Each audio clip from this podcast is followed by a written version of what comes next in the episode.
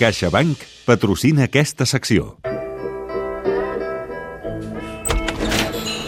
Hola, què passa aquí? Hola Paco, què tal? Que tens el Canut per aquí? Sí, sóc aquí, David, sóc aquí. Com Ei, estem? Com estàs, Canut? Com va això? Da, home, feia dies que no ens veiem, eh? Molts, amb ganes, molts, molts amb dies. ganes de veure't amb, amb, amb aquestes punyeteres aturades de la Oh, Lliga i el terrible. virus FIFA. És llarguíssim, això, eh? Es fa molt llarg i pesat. Molt. Mira, ara tindrem eh, partits eh, constantment, eh? Doble partit cada setmana fins que arribi el Mundial. Ja tocava. Són, crec que són 12 partits 12. en 40 dies. En un mes i mig, sí. Fixa't tu. I, i Mira, després volem provar tota... aquests pebrots que ha fet en Miquel amb una mica de carbassó i mostassa. Mm, jo no. Jo no. Pebrots Mira, amb carbassó i mostassa. A mi no em ve de gust. Tinc mistela també, eh, si vols. Ah, Mira, la mistaleta Més encara. dolça. Això sí, això sí. Doncs sí, tindrem 12 partits en un mes i mig. I, i clar, eh, això eh, és una prova evidentment de màxim nivell més quan tens totes les baixes que tens ara mateix a la plantilla. Sí, que a més han arribat en un moment... ma- Mai és oportuna una lesió, no? Però tan seguides i de cop i davant de tot aquest seguit de partits que ha d'afrontar el Barça abans d'anar-se'n al Mundial eh, certament doncs, no, no conviden a ser optimistes de cara a aquest, a aquest tram eh, previ a la, a la gran cita mundialista que ens han col·locat aquí amb calçador els petrodòlars dels catarins i que no sabem com sabran respondre els futbolistes i després com, com me, més que el Mundial en si el que preocupa és el retorn del Mundial no? com tornaran els jugadors del Mundial i en quines condicions ho faran perquè no la cosa convida a ser gaire optimistes en aquest sentit Mm. Avui potser juga Piqué. jo Potser. crec que mm, jo crec que Piqué en aquest tram d'aquí al Mundial haurà de tenir un protagonisme que segurament no hagués tingut si no hi hagués hagut tot aquest seguit de lesions, no? Però, però Piqué és un jugador que eh, si es troba en condicions, si es troba en, el seu, en un bon moment de, de, de forma, doncs és eh, un element molt vàlid per poder jugar en l'eix de la defensa del Barça sense que se'n ressenteixi l'equip. Mm, eh, tu tens la teva porra feta. Quina creus que serà la defensa avui contra el Mallorca, tenint en compte que dimarts el Barça juga al camp de l'Inter, eh? Jo crec que avui el Barça jugarà amb una defensa a 3. Tres, clar, perquè tens només un davanter al davant, com és Muriqui, el Mallorca. Correcte, És el correcte. Mallorca, amb tots els respectes. Correcte. El Mallorca és un equip que sobretot és molt sòlid defensivament, com tots els equips del, del D'Aguirre. Vasco Aguirre, eh? i que han encaixat pocs gols a Som Moix, crec que només n'han encaixat 3, i que per tant doncs, eh, li posarà difícil les coses al Barça perquè sabrà tancar-se en el seu propi terreny de joc, li cedirà la iniciativa i buscarà la contra, no?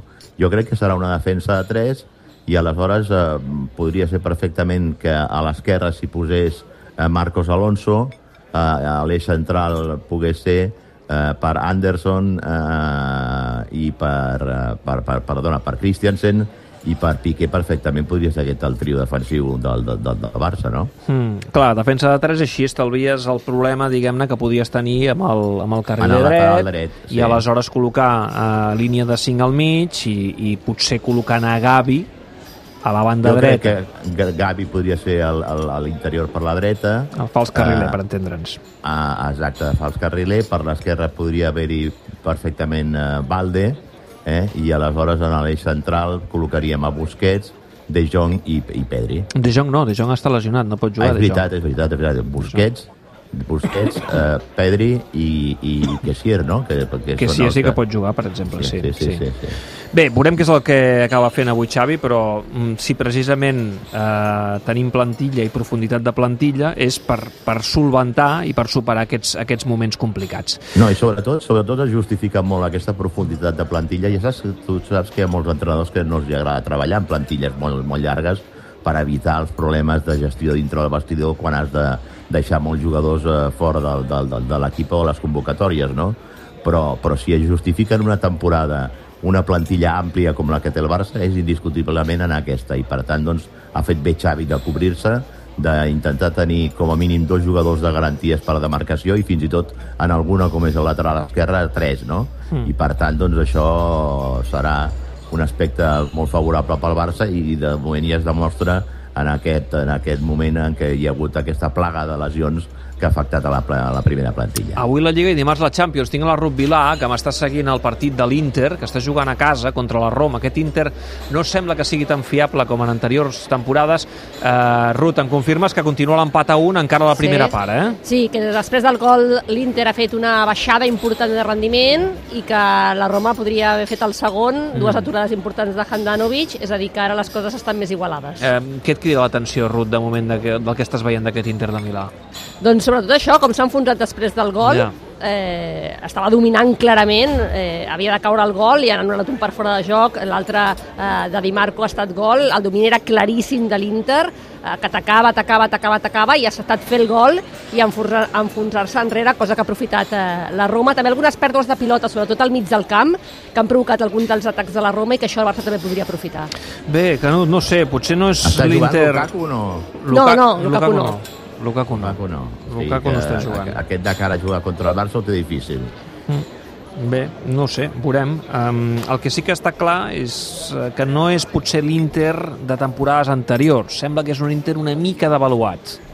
Una mica. Però és un, a mi és un Inter que, tot i que no està fent, com dèieu, bon paper al, al, al calcio, perquè crec que va sisè a la classificació, eh, és un equip que té ofici i és un equip que, en definitiva, si tu t'has de jugar a la classificació de cara als vuitens de final, aquesta, aquest doble enfrontament amb l'Inter és com la, la, la, seria com els setzents de final, no?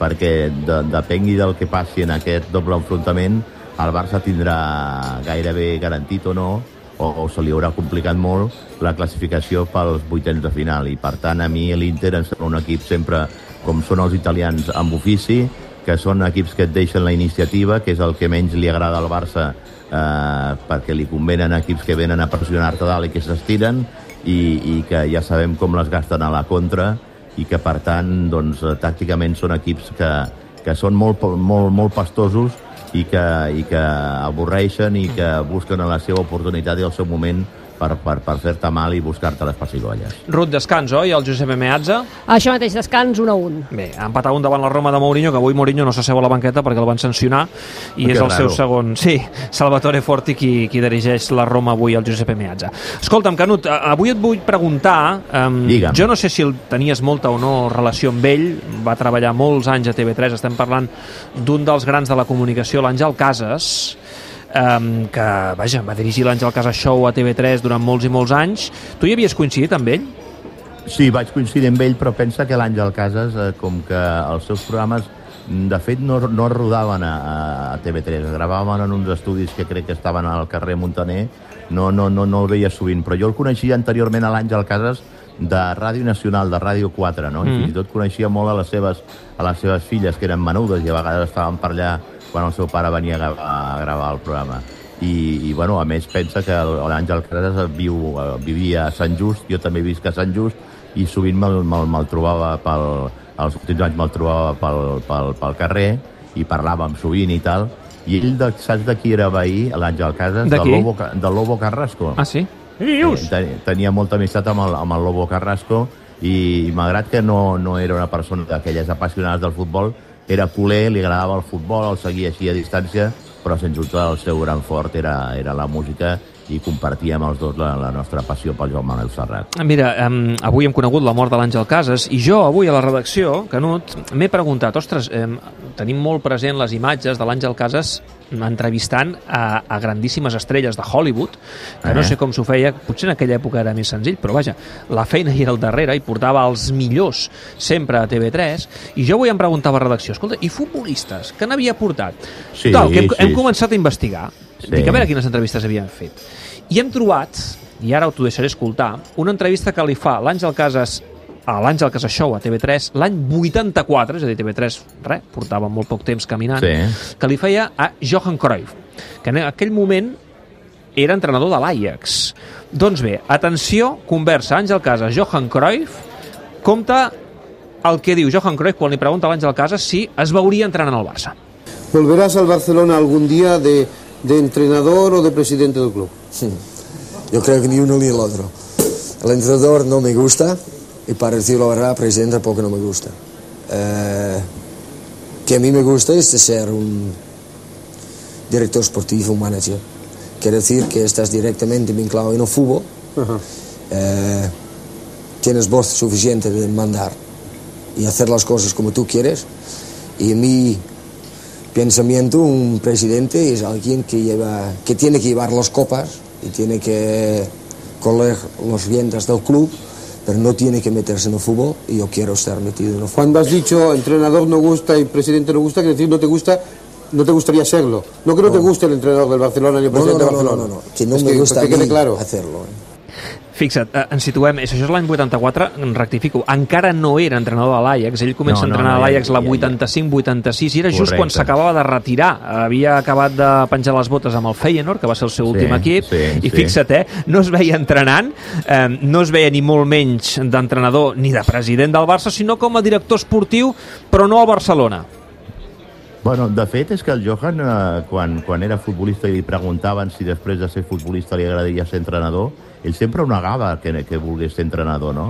I, i va ser allò un entrenador per, per sorpresa, precisament com tu bé recordaves, quan es va, va agafar les rendes de, de l'Ajax i, i, al, i al poc temps guanyava una, una recopa al 87, que després va ser una mica el seu triomf que li va obrir les portes del Barça per venir a ser una miqueta la solució d'aquella situació tan, diguem-ne, peculiar que vivia el club amb motiu, amb motiu del motí de l'Esperia, no? I aleshores va ser quan Núñez el va anar a buscar a, a, a Holanda perquè, perquè es convertís en el, en el líder d'aquell nou Barça i qui fos una miqueta l'encarregat de fer aquella límpia que s'havia de fer en el, en el vestidor del, del, del club. Però l'Àngel Casas va entrevistar molts futbolistes. Jo recordo que també va, va entrevistar l'Steve Archibald. Si, si parles amb l'Àngel Pitch Alonso també hi va anar-hi eh, una vegada Sí, home. que- com a convidat al- a, l'Àngel Casas Show i suposo que també un altre va ser el seu amic i veí, el Lobo Carrasco, entre d'altres dels futbolistes que van passar pel, pel plató i, i el set d'entrevistes de l'Àngel Casas. I mira, et porto allò, um, la parleta final, eh? Això també és d'aquesta mateixa conversa. Àngel Casas i Johan Cruyff, escolta bé. Johan, yo quiero hablarte de las cosas que configuran un personaje fuera de serie como tú, que son diversos destellos que al final acaban siendo Johan Cruyff. Tú eres un hombre que en los descansos fuma cigarrillos, que te No, fumabas... tan, tan, tan demasiado. No, no. Tanto no. Has estado una hora y media sin fumar y esto damos fe Por de que es verdad. por eso. Pero es un hombre que realmente tenía fama de, de fumador. Sí. ¿Cómo es compatible esto con el fútbol? Bueno, yo creo que hay varias cosas. Primero, entrenas cada día, juegas, y lo que más te cansa de todo no es lo entreno, pero es las pres- presiones desde fuera. Cada día prensa, cada día líos, cada día encima, cada domingo hay que estar en el campo y hay que ganar, porque es lo más, eh, más difícil. Bueno, de estas, eh, de estas presiones uno se salva en eh, fumar, distraer. El otro quizás bebe, no sé. Pero como, como puedo llamar, por ejemplo, decir Di Stefano, Pele y todas estas, todos tienen 38 y todos fuman.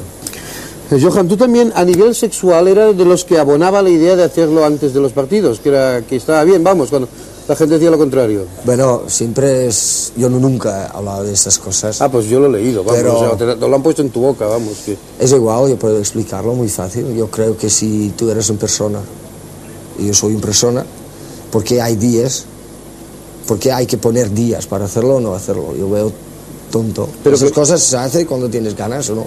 Ya, pero Eso que no es malo hacerlo antes de los partidos, vamos. Yo creo que si tienes ganas y no lo hagas, también es malo. También es malo. Any 84, situem-nos, eh? Any 84. Um, Pensa que... Pensa que les coses han canviat bastant. No, i et dic que, que, que el Johan Cruyff va ser dels que va auspiciar que durant la concentració de la selecció holandesa en el Mundial d'Alemanya del 74 anessin les dones dels jugadors a la, a la concentració perquè poguessin tenir relacions amb les seves, amb les seves senyores. Sí, sí, sí, sí. però eh, vaja, m'ha cridat molt l'atenció la manera de- de- d'entrevistar de, aquesta conversa no? eh, de, de l'Àngel Casas amb els seus entrevistats, en aquest cas Johan Cruyff l'any 84, i vaja, això, Pelé i Di Stefano, todos fumen. Sí. todos fumen, com ara, tu. Imagineu-vos com han canviat les coses. Molt bé, escolta'm, eh, Canut... Eh, Un gran ens- record per l'Àngel sí, Casas, Sí, que sí, sens dubte Avui l'hem volgut un- recordar, hem trobat aquesta perla a la biblioteca de TV3 i, i m'ha agradat poder-ho poder recordar. Uh, Canut, ens venen setmanes allò intenses. Setmana que ve més snack i ja vindrem de Champions, abans de partit de Lliga, acostant-se al Clàssic, és a dir, que seran snacks intensos. Va, Et Canut, deixo amb el Paco. 0-5, eh? Vinga, Sí. una abraçada, que vagi molt bé. Adeu, adeu Paco. Adéu, adéu, Vinga, adéu. nanos, que vagi bé. Escolta, clubers, aviam si pagues algun dia això.